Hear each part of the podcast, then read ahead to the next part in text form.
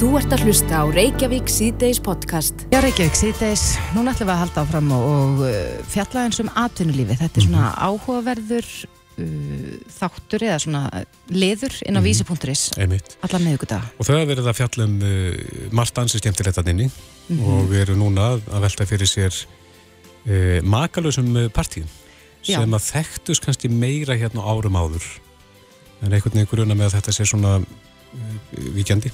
Já, ég, ég er ekki alveg viss með þessi samanlega þar. Mér finnst makalösu vinnuparti vera bara nokkuð algeng ennþá. Já. Og ég meina hvað þá í svona uh, stórum fyrirtækjum þar sem er ekki endilega hlaupið að því að halda sko partí fyrir alla starfsmenn pluss uh, maka Mm oft á ári. En í tengslu við þetta er uh, verið að ræðum hérna, kynverslega áreitni á vinnustöðum Mm sem að kannski er svona grundöldu, meiri grundöldu fyrir að, að snunda slíkt uh, í þessum makalösu partíum, það sem áfengir haft um hönd. Já, það er kannski algengara að uh, áreitnin hefjist uh, jafnvel þegar fólk er í glasi Mm -hmm. en smitist svo yfir á vinnustæðin. Já. Á línunni er Margrét Valdimarsdóttir, hún er lektor sem að vann á samt fleirum að umfangsmikilli rannsókn um tímferðislega áreitni á vinnustöðum. Sæl Margrét? Sæl.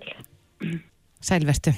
Já, Margrét, Já. núna eru þið búin að uh, vinna þessa umfóksmiklu rannsókn og uh, hún, þetta var unna félagsvísindasto- félagsvísindastofnun, ekki satt? Jú, ákvæmt. Gert fyrir félagsmálaráðuneyti. Mm Og hverjar eru svona helstu niðurstöðunar í þessari rannsókn? Um, sko, skýrslan eða rannsóknin skoðaði bæði einelti kynfyrsla áreitni og kynbundna áreitni og ef ég fókusur bara á kynfyrsla áreitni þá er mitt þetta að, að svona það verist til að þannig að alveg eina hverjum fjórum konum uh, lendir í kynferðslegari áreitni einhver tíman á, á vinnufellinum og, og svona aðeins læra hlutafall karla og ef ég fjalla eins um til dæmis það sem þau eru að nefna með þessa partímenningu eða þessi makalösu vinnustæðapartí Mm að þá, þá eins og allir væntalega vita að þá er fólk náttúrulega hömluleysara undir áhrifum áfengis og, og það kom alveg í ljós hjá okkur að, að hérna, fólk sem til dæmis vinnur í störfum þar sem það þarf að eiga við drukkið fólk að það er líklega til þess að verða fyrir kynferðisleiri áreitni í starfi en svo eru við líka einmitt að skoða þessar aðra starfstettir sem eru hérna þá oft í svona hálaun á störfum og, og þá fólk sem hérna er með einhvers konar vinnustæðapartí og þá við- virðist þetta einmitt vera einkennandi. Ef að partíin eru makalauðs og, og það er áfengi að þá hérna er kynfyrirlega áreitni og hún er sko í þessum partíum er hún kannski ekki tólkuð sem slík. Þá er þetta bara eitthvað daður og, eitthvað skemmtun og eitthvað fyllir í. En hefðun sem byrjar í, í svona partíi einmitt eins og þið nefndu hérna á það til að, smitast eða að hefur tilhengu til að, halda áfram inn á vinnus, vinnustanum og þá í þessu öðru samhengi að þá er hefðin þetta hérna, upplifuð á annan hátt og, og er óþægilegri fyrir þá sem fyrir henni verði, verða og, og, hérna, og verður oft bara einmitt að kynferðislegri áreitni sem er bara hefur alvarlegar aflengar. Mm, Þannig að þetta er svona viðkendara uh, þegar að fólk er í glasi. Já, já, og hérna, einmitt. Og, og, það get, og eins og kemur þarna fram í þessari grein að það getur verið bara flóki fyrir fólk einmitt að átta sig á það. Á því, er ég núna tólandi kynfræslegar áreitni? Eða er, er ég bara eitthvað, er ég að taka þessu á persóna? Er ég viðkvæm? Af því að, af því að einmitt, þetta er oft grín, þetta er hérna, og jafnvel eitthvað svona sem er sett fram sem fós og í ákveðnum aðstæðum að þá, þá getur það með þess að verið viðandi eða allt í lagi og allir hérna hafa gaman af. En svo þegar komið inn á vinnustæðina þá er þetta bara þá er þetta náttúrulega bara ekki viðandi. En hvað liggja mörkin, Margrét, það er að segja hvenar, hvenar verður daður að áreitni? Já, sko, ef að hérna ef að, ef að hefðunin er kynferðisleg, óþægileg og óumbeðin, þá er hún kynferðisleg áreitni og hún getur verið mjög mismanandi, hún getur verið svona einmitt eitthvað einhverja svona, einhverja kynferðisleir brandarar eða jáfnvel að það eru sendi, sendi svona klámfengni tölvupóstar til vinnufélaga og eða eitthvað svo leiðs alveg yfir í það að vera ká og, og hérna eitthvað sem er auðvitað miklu alveglega og, og fólk svona á kannski auðvöldra með að átta sig á, já ok, þetta er kynferðislega reyning. Mm -hmm. En í þessu... Og fólk verður auðvitað að fá skilgreina þetta sjálf, sko, fólendur. Er, er ég, hérna, ef að fólk upplifist ekki sér kynferðislega áreitni sjálf, þá verður það að, að stjórna því hvort að það sé, við, þið skilir hvað ég á við, mm -hmm. að, að hérna, hvort það sé raun að vera, vera fólandið ekki. Mm -hmm. en, en sko, einfalda skilgreiningi myndi ég bara segja að þetta, ef að haugðunin er óumbeðin, óþægli og kynferðislega, þá er hún kynferðislega áreitni. Mm -hmm. En segð mér, Margret, í þessari rannsókn fenguðu fram einhverja svona tölur um hversu algengt þetta er inn á vinnustöðum svona yfir heildina litið? Já, það er hérna 16% hvenna, það voruði fyrir kynferðislegri áreitni og hérna uh, og, og þá bara við skoðum bara konur, þá er það 25% hvenna Mm -hmm. Nei, þess að 16% vinnandi fólk sem eru orðið fyrir kynferðislegri áreitni og það eru 25% eða eina hverju fjórum konum og um 7% karla. Jaha. Þetta eru svona og, og sko við erum með bara uh, úrtak af Íslandingum á vinnumarkaði eða þess að fólki á íslensku vinnumarkaði, ekki bara Íslandingum, fólki á íslensku vinnumarkaði og, og, og fólk á alveg frá 18 ára upp í 68 ára og já, og við erum með stórt úrtak og úrtak sem endur speklar uh, landsmenn eða þýði Íslandinga mm -hmm. og svona í okkar ansók, já, 16% hefur orðið fyrir kynfrýsleiri áreitni einhver tíman á vinnufællinum. Akkurat, og, en Margret, ja. þetta er ekki barast þá frá af hendi annara vinnufélag heldur eins og sæðir aðan uh, fólk sem er í þannig störfum að þarfa að umgangast drukki fólk þá eins og í afgriðslu störfum og annað slíkt já, fólk sem vinnur á börum, skemmtistöðum, uh, lauruglufjónar mm -hmm. og, og hérna, fólk sem er innan um drukki fólk og svo líka fólk sem unnur, vinnur í, í umönnun inn á spítalum af því að það er fólk ekki drukki kannski en það er fólk kannski ástandi eða undir áhrifum livja þar sem að, að kannski tekur að svona hefur áhrif á mm -hmm. höflur. Já, fólk í umönnum og störfum. Já, en Margreit, þú, þú segir að 16% fólks hafi orðið fyrir áreitni og þetta er frá 18 upp í hvaðsir 67. Já. Eh, vildu þið skoða eitthvað ná, skoða eitthvað nánar hvenar þar að segja, var þetta aldingari hér á árum áður, hefur þetta breyst og hver hefur þróunin verið? Sko, við erum hérna að við erum náttúrulega okkar konun er lög fyrir á þessum eina tímapunkti sem var uh, núna bara á síðast ári en við spurjum hvað er uh, langt síðan mm -hmm. að þú hafið orðið fyrir en kemfyrirsleiri áreitni og, og við sjáum að fólk er að greina frá kemfyrirsleiri áreitni sem hefur kannski, það hefur lendi fyrir tíu árum eða, eða hérna á síðustu sex mánu. Það er mjög mismunandi í þessum gögnum. En við sjáum ekki hvort að það séu ykkur að breytingar að eiga sér stað.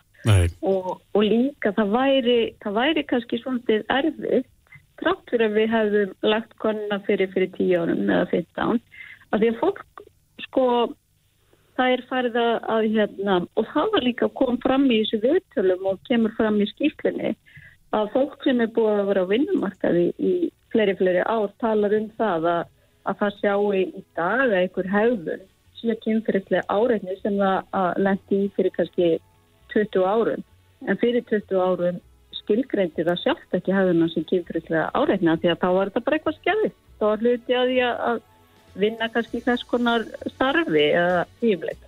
Þannig að, sko fólk er farið að greina frá á hérna, meira í dag. Þannig að þráttur að tíning kannski myndi hækka að þá veitum við ekki hvort að hefðunum sé að vera algengari, algengari eða bara hvort að fólk sé að taka eftir og sé að átta sér frekar á því í dag í, í kjálfað MeToo reyfingar og, og reyfingarinnar og, og umræðu í fjölmjölum að já, býtu þetta er kynferðislega áreitning þetta er það sem við verðum að tala um og þetta er ekki lægi mm -hmm. Setta punktin hérna Margret Valdimar Stóttir, kæra þakki fyrir þetta og það má lesa nánar þetta inn í atunulífinu inn á vísi.is en takk fyrir spjallið. Takk sem leið. Þetta er Reykjavík C-Days podcast. Já, Reykjavík C-Days á bylginni, við höfum eftir að opna fyrir síman hér og eftir og uh, heyrum þá í fólki en, en uh, stúm okkur aðeins að þinginu, uh, þingmenn miðflokksins, þeir vilja taka hart á bílalegum sem að fara á sviðið logoreglur. Já, ekki einungi spílalegur heldur, bara alla þá sem að ef að fólk er eitthvað eiga við kílometra stöðuna, þessast þann fjölda kílometra sem bílinn hefur kert, mm -hmm. Að þá eigi samgöngustofa að hafa ríkar sektarheimildir. Já, þannig að þarna er tilvísun í prókarmáli svo kallaða eh, sem að er ekki búið að leiða til líkta en þó. En Ólafur Íslesson, einn af fluttnismönnum um, um þessa til og er á línunni, kom til sæl. Kom til sæl að blössuðu. E, Prókarmálið, það er þarna í, í forgrunni hjá ykkur, en, en e, hvað finnst ykkur vant að upp á? Sko, þetta mála, sko, uh, þetta, sko, viðbröðu þessu máli voru mjög hörð meðan, uh, sko, ímissa í samfélaginu. Já. Uh, ég meina bílalegur, hérna, samtök ferðarþjónustunar, neytindsamtökin, alls konar svona aðeinar. FIB, já, já. FIB, ég tala um kjömm en sko það er gett að segja að stjórn, viðbröð stjórnvalda hafi svona verið eilítið linguleg og þetta frumvarpeikunni er berðismerki það er alveg nöðsynið okkar dómið að senda skýr skilabóðu um það að, að e, svona brott séu ekki lið mm -hmm. ég meina það er náttúrulega þegar við erum að tala um 148 bíla það sem er aft við aukumælana mm -hmm.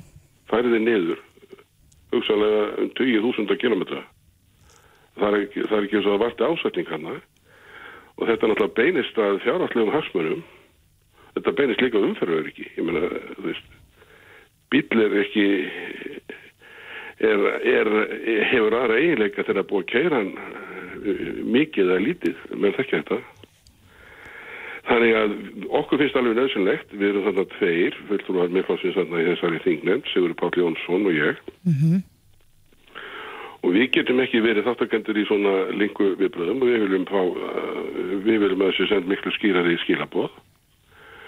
Við fengum marga góða gæsti þarna, við erum búin að nefna hérna suma til að mynda FIB og fleiri. Og uh, það eru þetta alveg það er þetta alveg nöðsynlegt að, eh, að eh, já, til að tryggja bara veld neytenda og að e, það sé ekki verið að svína svona fólki í, í bílaviskjöstum og að ég ekki tala um umförverki mm -hmm. að það sé, að, að það sé tekið með miklu meiri myndaskap á svona máli. Já, en Ólafur, núna er lagt fram í frumvarpinu að samgöngustofa getur beitt bílalegur alltaf 2 miljón krónar sektar ákvörðun en þið viljið raun og veru að, að þessar sektir verði herri? Já, við nefnum eins og enga fjárhæði í því, sko, við nefnum það líka uh, að uh, fyrir alvarleg brot að þá komið til greina sýfting á stafslöfi. Er það ekki í dag? Það verðist ekki vera, það verðist ekki vera. Ég held að við orðum það þannig að fyrir, ég held að svo ég notum orðalæði sem við notum í álitinu þá segjum við sko fyrir stórfældbrot mm -hmm. En þarna, það sem umræði þarna er, er frumvarp sem að Þórdís Kolbrún Reykjörg Gilvardóttir uh, leggur til. Já, já. Og, uh, og þetta er minnilhutta álit ykkar sem að þið, þið komið með þarna móti. Já, já, uh, mælum með því að þetta frumvarp verði samþitt en við mælum með því að, að hérna eins og það heitir á þingmáli að þegar verði vísað aftur til ríkistjónarina það þýðir á, á velnari íslensku að þá erum við að segja með þessu sko það þarf að vinna þetta mál miklu betur. Mm -hmm. Við erum búin að setja þann nefndafundum og það verður að diskutera það í alvöru. Það verður að ræða það í alvöru hvort að, hvort að það sé eitt brot eða mörg brot þegar það eru færðir niður ökumælar á 148 bílum er það eitt brot eða er það 148 brot? Og yfir langan tíma? Og yfir langan tíma og byttu sko 2 miljónir ef þetta er eitt brot og 2 miljónir, ég menna, uh, sko, er þetta einhver, helst eitthvað viðnám í þessu uh, aftur af þetta einhverjum sem hefur hefur uh, eindregin brotavilja og getur haft af því mikla fjárhastlega hafsmunni að selja bíla eins og þeir væru miklu minna kerðir, kannski 148 stykki. Mm -hmm. Þannig að ykkur finnst þetta ómikið límkind eins og þetta kemur fram þarna í frumvarpinu? Já, við getum ekki tekið þátt í svona. Það er bara ekki nokkur lifandi leið. En ég sá hérna í, í þessu minnluta áleti ykkar að, að þið vilji líka sko kaupendur notara bíla verði upplýstur um hvaða bílalegur hafa gerst sekar um slikt brot. Hvernig séu það fyrir framkvæmt? Það er þetta bara eitthvað svona frangvandadrið sem við erum eitthvað stofnar sem geta sko bara séðan þetta. Mm -hmm.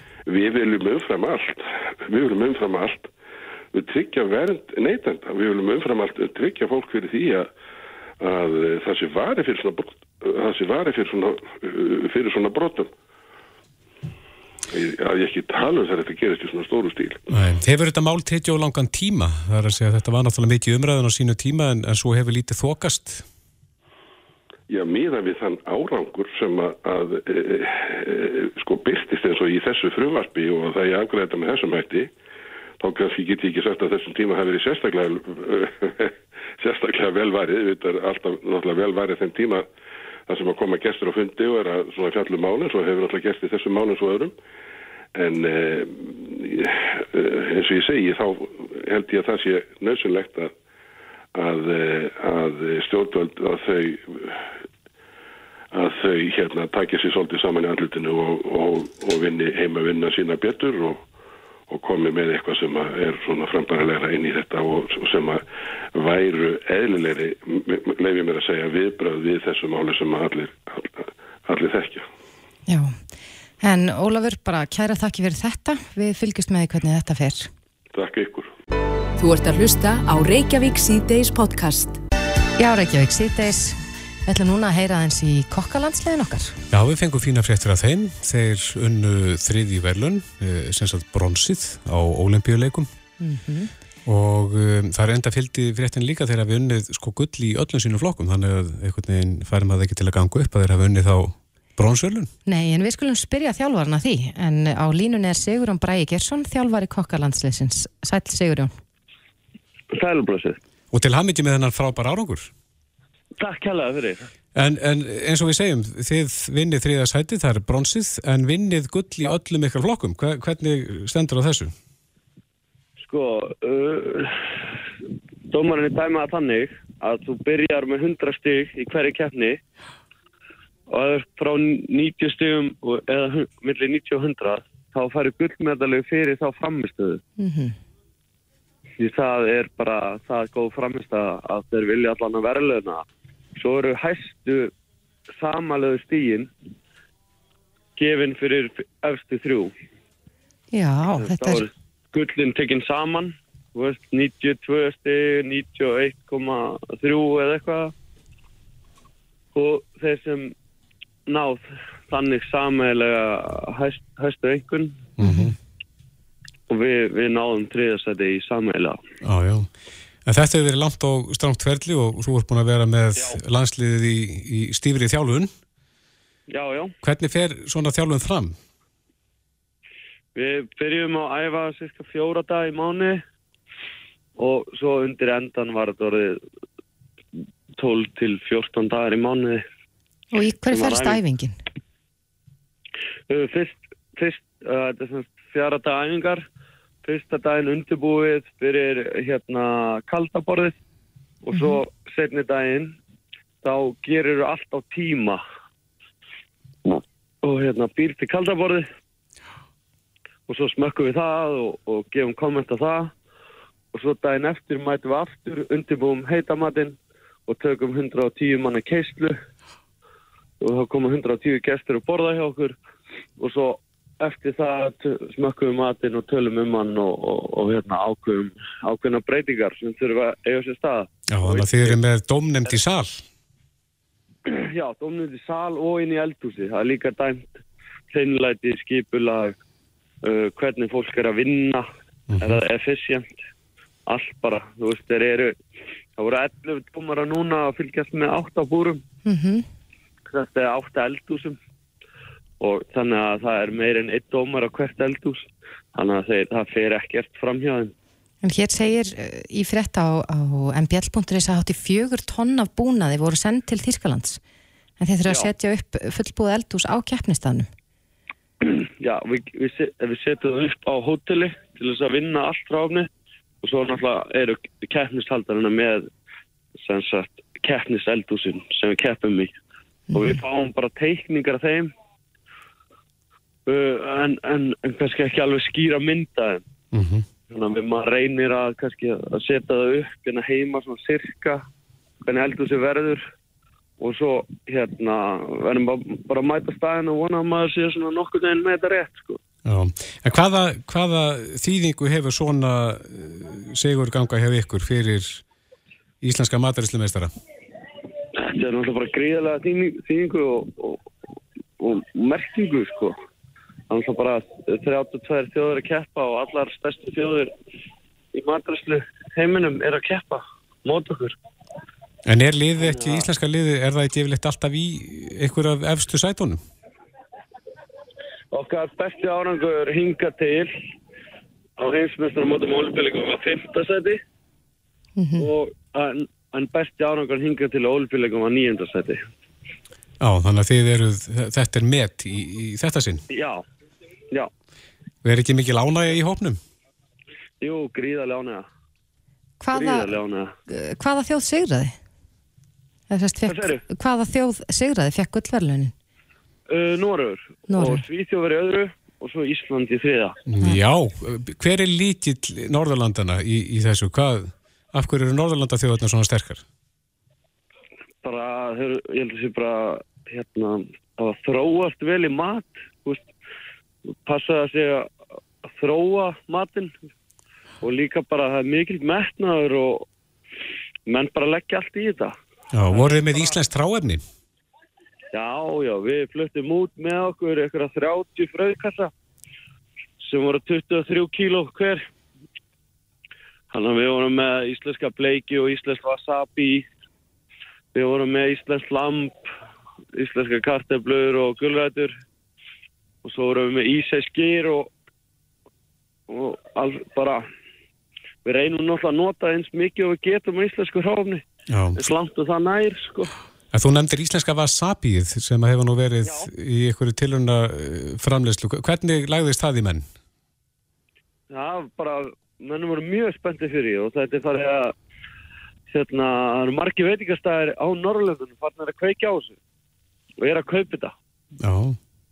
Já, það er spennandi. Þetta er ekki beint hið íslenskasta svona þegar maður hugsa út í það. Nei, nei, en, en framlæðslan er góð og flott og, og, og, og hérna, og það var bara gaman, gaman líka að geta nýtt sér eitthvað nýtt ráfni. Já. Hvernig er, er þetta wasabi í samabyrði við það sem að við þekkjum? Það er miklu svona, hvernig á ég að segja, það er svona spræðmera Já. og, og svo er rótin svona aðeins blöyt. Þetta er ekki svona uh, þurft. Þannig að þegar hún er svona fersk þá, þá er þetta meira eins og að rífa niður grammiti. Já. Er, er íslenska wasabi sterkara heldur en... Já, þetta er svo hreint wasabi, þetta er bara wasabi rótin. Já. Það er hitt eh, sem maður kaupir svona þurkað í pókum eða, eða veist, það er bara blandað með piparót og svona. Mm Þetta er bara hann að færiðu bara wasabi í æð sko. Já. En hvernig haldið þið síðan upp á þennan góða árangur? Við erum núna að fara að bróta borða Já. og hafa gaman og svo bara er að rúta í fyrramálið og Já. Þið ætlaði að láta elda ofan í ykkur núna? já, það er komin tími til þess. Já, akkurat. En mun sá, sá matur sem þið borðið í kvöld standast ykkar væntingar? Já, já, já, vonandi. Já, Já. Eða bestu kveður til ykkar? Er. Já, akkurat. Enn og aftur til hafmyggi með þennan flott árangur og, og bestu kveður út. Sigurón Já, Bræði Gesson, þjálfari kokkalagslinsins. Takk, takk. takk fyrir. Já. Það er allt í kringum þig. Reykjavík síðdeis á bylgjunni. Í tilefni af stórtónleikum skítamórals í Eldborg Hörpu 9. mæ næstkomandi ætlar Bilgjan ásat Moet Esjandón að bregða á leik. Manstu þegar þú heyrðir fyrsta lægið, fóst á fyrsta ballið? Kynntist þú kannski ástinniðinni á tónleikum með skítamóra? Hver er þín uppáhaldsminning tengt hljómsveitinni? Deildu skemmtilegum minningum á Facebook síðu Bilgjunar og þú getur unnið VIP pakka sem inniheldur kvöldverð fyrir tvo á Vox restaurant, gisting á Hilton Nordica, miða á stórtónleika skítamórals í Eldborg Hörpu 9. mæ og Moet Esjandón. Skemmtilegustu sögurnar komast í pott sem dreigð verður úr þann 29. februar í þættunum Bakaríð hér á Bylgjunni. Gull léttöl kynir. Hvað dettu þér í hug þegar ég segi sumar? Blöðrur, lóan, reðhjól, reðmenn, vindana. Helgi Björns, Sóli Hólm, Salka Sól, Jón Jónsson. Ha, okkur Jón? Ha, er það sumar? Sumarháttíð Helga Björns. Háskóla bíói 24. apríl. Miðasala hefst 20. februar á tix.is. Hér er töfra heimur speiklana. Vísindasýning fyrir alla sem vilja gæjast inn í óendanleikan. Hér er smáralind. Við byrjum á hraðasmörningum. Hvar er sér tilbóð á smurþjónustu dagana 17. til 28. februar? Júp, mikið rétt. Hjá viður kendum þjónustæðalum Toyota á Íslandi. Toyota, engin vandamál, bara lausnir. Mikil eftirspurn eftir íbúðar húsnæði. Skráðu eignina hjá okkur. Í tröstum höndum í ára tugi. Fastegna markaðurinn Óðinn skötu. Við erum fiskbúar, fiskbúin Hafberg, Knóðavegi. Krauma náttúrulaugar er tilvalinn staður fyrir þann sem þér þykir væntum. Náttúrulaugar, guðuböð, kvildarherbergi og veitingastaður sem býður upp á dýrindis rétti úr fersku ráefni úr héræði. Krauma, náttúrulaugar í borgarfyrði. Allt lín fyrir hótel og gistiheimili. Sintilla. Laugavegi 40. Sintilla.is Kaupum háareikninga og veitum fyrirtækjum skjóta rekstrafjármögnun. A-faktoring. Í kvöld ástöðu 2. Heimsókn sindri heimsækir sem fyrir skemmtilegt fólk á fallegum heimilum þeirra. Jamie's Ultimate Veg og lókum Grey's Anatomy og Kills People. Hafðu það gott með okkur ástöðu 2 í kvöld.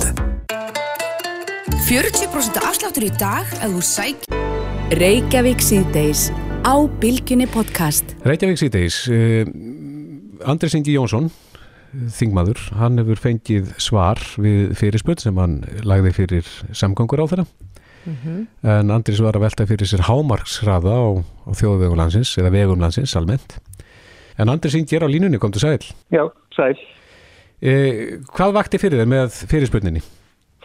Já, það var nú kannski einmitt ekki að við ættum að fara að hækka hámarstraðan heldur skoða hvort við ættum jáfnvel að fara að lækkan frekar. Já. Uh, já, svona er það.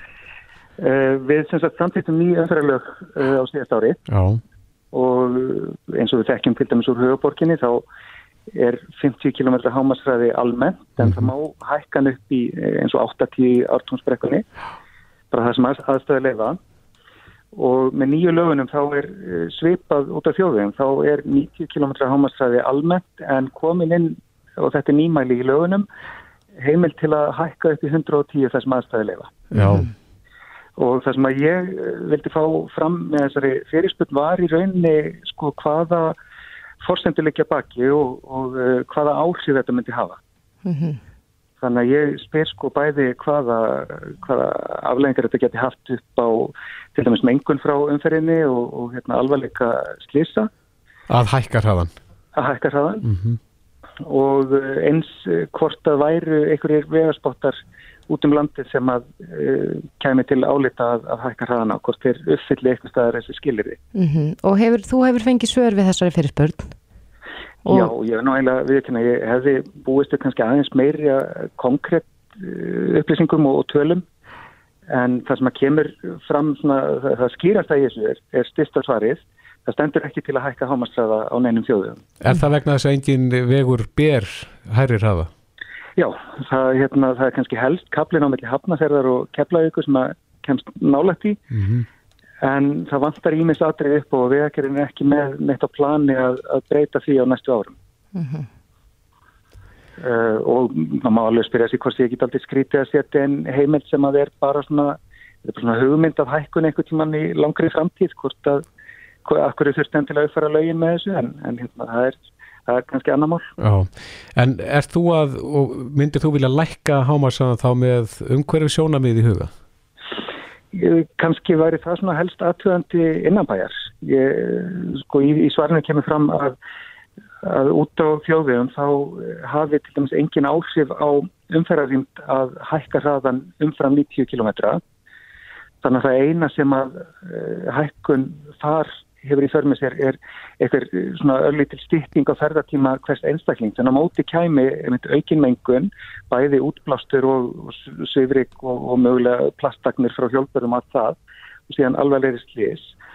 En ef við horfum á þjættilið og til dæmis sko, þjættustu byggðina í Reykjavík þá held ég að við þurfum að fara að skoða það að, að draga hraða almennt niður þar sem að sko gangandi vegfærendur og hjólandi og, og akandi eru að nýta sama rými. Með svona þá slisa forvarnir í huga? Meðal annars, það er nokkið langt síðan að Reykjavíkuborg ákvaða að lækka hraða þarna í Vestubænum niður í 40 km mm -hmm. eftir að eftir sko hávær og, og réttmætt mótmæli foreldra skólabarna sem voru þarna í stór hættu út af orðuðum akstri á hringbrötunni. Já, en þú ert ekki alveg nógu sáttu við svörin, heyrist okkur? Nei og þetta er, það er ímislegt þarna, það er, það er, það eru sumatriði sem að ráð þeirra segir að sé ástæð til að kanna betur sem ég hefði haldið að væri sko grundvöldur fyrir lagarsetningar sem að var samþitt bara sko fyrir tæpa ári og já ég, ég hefði bara, hefði búist við því að fá bara konkrétt tölur til dæmis bara varðandi aukna losun af völdum auknum hraða er enga tölur en það heldur er bara svona e, það er svona skauta framhjáði og sem fara að tala um að losun á heldina muni minka þegar að orkuskiptin verði um garðgengin sem er bara óskipt mál. Mm -hmm. Já þannig að þetta er ekki afsakið. það, það, það að það verði allir kominir á rafbíla það svarar ekki spurningunni hvort að umferð dagsins í dag á auknum hraða mengi meira eða ekki Nei, akkurat. Já, uh, það má lesa nánar þetta inn á VF Alþingis. Uh, Andri Sindi Jónsson, þingmaður. Kæra þakki fyrir þetta. Já, þakki fyrir. Bless, bless. Hlustaðu hvena sem er á Reykjavík C-Days podcast. Já, Reykjavík C-Days. Við ætlum að fjalla aðeins um hérna marg umrættu COVID-19 koronaviru. Já, og það er svona, svona ný sín á hana þegar að fjallum þetta í Business Insider. Já, við... Benda á svona ákveðin hérna, þátt varðandi þessa veiru. Akkurat, að það er forvitnilegt og það er verið að fjalla um þar að mjög fá börn, að hlutfalslega mjög fá börn hafa greinst með veiruna. Já. Að af þessum sko 60 og eitthvað þúsund. Nei, ég heldur svo að það er sko rúmlega 70 þúsund sem hafa síkst. Já, þú ertu þetta með appið, getur fylgst með því í beinni. Ég var að tekka á því bara hérna núna hvað, hver talan er komin í. Hún opna hérna appið. Þeir segja 75.201. 75.000 en sko í einhverju rannsók þá kemur fram að einungis nýju ungbörn mm -hmm. í Kína hafa greinst með veruna. Já, já. Hvað allir stýri það? Já, það er nefnilega... Þegar nú hefur verið talað um að þetta sé svona viðkvæmæsti hópurinn, það er að segja börn og gamalmenni og, og þeir sem eru með undirlíkjandi sjúkdóma. Þórálu Guðnarsson, sóttvarnarleiknir er á línunni, kom til sæl. Já, sælverið. Já, er þetta ekki rétt sem að þeir eru að velta fyrir sér hjá Business Insider, þetta með fjölda barna? Jú, það eru náttúrulega þess að frettir sem hafa komið frá Kína hafa bent til þess að það séu ekki mörg börn sem að, sem að síkjast og enn síður það að síkst alvarlega. En og, ný rannsók frá Kína bendir til það sé kannski um 1% af þeim sem hafa síkst sem eru undir 10 ára og uh, þannig að það virðist vera ekki að það sé ekki mörg börn sem hafa síkst það er ekki alveg ljóst hver ástæðan fyrir því er en þetta er þó þekkt í í svona faröldurum eins og til dæmis í Spönskovíkinu það var ekki mörg börn sem fóru illa út í Spönskovíkinu, það var fólk á miðjumaldri mm -hmm. uh, einhvern, þannig að þetta er svolítið breytilegt eftir síkingavaldi hvernig á hvaða aldur hann leggst þings. En menn eru vantilega velta vöngum, er eitthvað kenningar á lofti? Já sko, við vitum að alvarleiki svona, síning, svona síkinga hann fælst einhverjum í eða orsakast af viðbröðum ónæmiskerfisins, það er ekki endilega síkillin sjálfur sem að veldur svona alvarlega veikindum heldur það viðbröð ónæmiskerfisins við síklinu sem geta valdið alvarlegustu enginnunum og, og, og það er oft skýringar á því að hverju sumir einstaklingar fá uh, síkingu alvarlegra en aðrir og það getur vel verið að það sé skýringin á þessu að, að ónæmiskerfi batna breyðist bara ekki eins uh, hart við þegar þau fá síkinguna og það er vel mögulegt að það séu miklu fleiri börn sem að fái síkinguna en séu bara ekki greint fá hana bara vægt til dæmis þannig að mm -hmm. það, það, þetta áttur að skýrast betur Akkurat, en nú hefur maður samt oft heyrt svona talað um þegar að svona, farald, svona faraldur er í gangi að, að börn, eldra fólk og þeir sem eru með undirleikjandi sjúkdóma séu þeir sem eru í hvað viðkvamastri stöðu á það þá ekki við um, um þessa veru? Nei, eins og ég sagði áðan og þá er það ekki alltaf þannig og og til og með svona heimsfaraldrar eh, hefðað sér ekki þannig, Spanska veiki 1918 hefðað sér ekki þannig, hún var, hún var ekki vest hjá börnum og eldrafólki, hún var mm. vest hjá fólki á miðjumaldri. Mm -hmm. Þannig að þetta getur bara verið mjög breytilegt eftir því hvaða faraldur og hvaða veiru og síkilmæður er að tala um. Hvernig er þetta gagvart bara þessari árlegu influensu?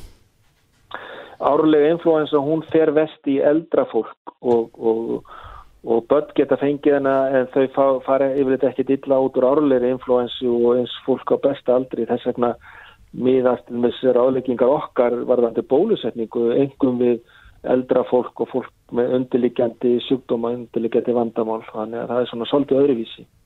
Já, akkurat En uh, aðeins hérna varðandi fréttaflutning við sjáum hérna á VF Ríkisútvarpsins að að sveiðfyrringar hafi fengið smá stílabóð uh, og það sem stóða leti grunur á COVID-19 smitt í Norrænu og þá væri uh, eitthvað, er þið eitthvað planvirkjað. Er gert ráð fyrir því? Að því að nú hefur við heyrt þessa fréttir af þessum stemtifærastipum sem að hafa verið sett í sótkví Já sko við erum með viðbræðsáallanir hér sem voru búinar til kláruðust í fyrra Uh, um uh, viðbröð við síkingum, alvarlegum síkingum í skipum og höfnum.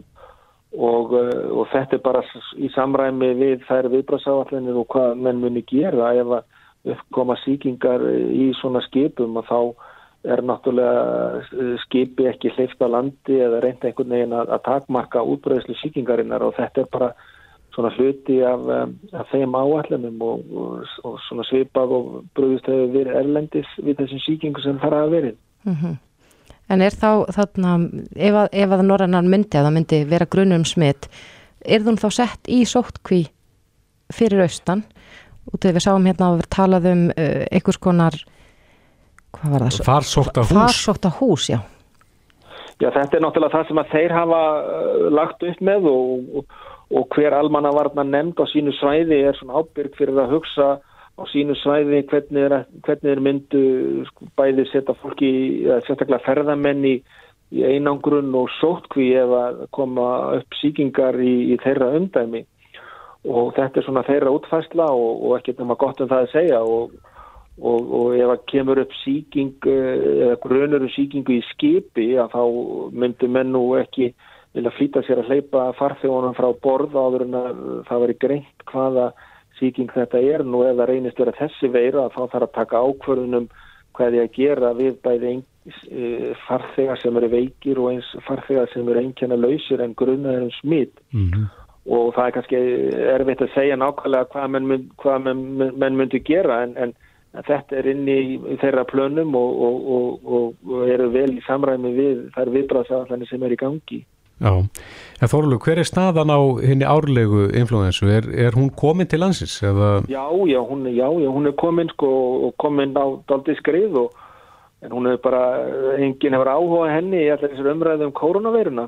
Eru svipuð enkenni? Já, það eru mjög svipuð enkenni, þar að segja svona beinverkir, hálsærindi, hósti og, og hiti, þannig að það getur verið erfitt að greina á milli nákvæmlega hvað er hvað. Já, en er það gert? Þar að segja, viljið þið fá að vita um hvort er að ræða? Já, það fer eftir svona svona farafræðilegum upplýsingum uh, hva, hva, eh, fólk sem hefur bara verið hér á Íslandi og greinist með þessi enginni, það er í sjálf og sér engin ástæði að vera rannsaka það með tilliti til þessara koronaviru en fólk sem er að koma frá kannski Kína og svona áhættu svæðum að þá getur verið nöðsynlegt að taka síni til að, til að greina hvað er hvað. Já, en eh, af því að böndin berast alltaf að Kína og við höfum nú reynda rætt það í mörg ár, það er að segja um uppbruna influensunar, hún byrjar yfirleitt í ykkurum drullupállum í Kína. Eh, af hverju er það? Af hverju er þetta yfirleitt alltaf uppbruna landið? Já, hún er oft uppbruna landið, hún er það ekki alltaf. Heimsfaraldurinn 2009 til dæmis, hann var uppbrunin í Mexiko og Amríku Uh, ástæðan fyrir að menn eru ofta einblín á Kína er það að það er kjörlendi fyrir þessa fugglategundur það sem að það sem er auðvilt fyrir hennar ímsu tegundur af, af influensu að blandast í fuggl, fugglum og það er oft mjög mikið nánd á milli fuggla og dýra og manna og, og, og þess vegna getur komið oft upp smitt frá dýrum og yfir í menn og svo náttúrulega mikil uh, fólksmerð og mikil af fólki og mikil uh, nánd uh, fólks þannig að það er auðvelt fyrir svona smit að, að dreifa sér þar þannig að þess vegna hafa menn verið að, að svolítið að einblýna á, á þetta svæði. Og er við þá komið vekk fyrir að, að svona kvikni? Já það getur verið erfitt en það er náttúrulega til dæmis í Kína og fleiri löndum í Asíu ofta kom upp nýjir stofnar af influensu sem að kannski greinast en ná sér ekkert á streikum en fylgjast volið vel með og, og eru kannski tegundir sem eru bara í dýrum og fugglum og svínum og en, en verður ekkert meira úr hjá mönnum. Þannig þetta er, gerist mjög oft og, og, og menn eru að fylgjast með því að þetta ratar ekki alltaf í fréttir. Nei. Þórólfur Gunnarsson, sóttvarnalæknir. Kæra þakki fyrir þetta. Já, sömulegist. Bless, bless. Bless.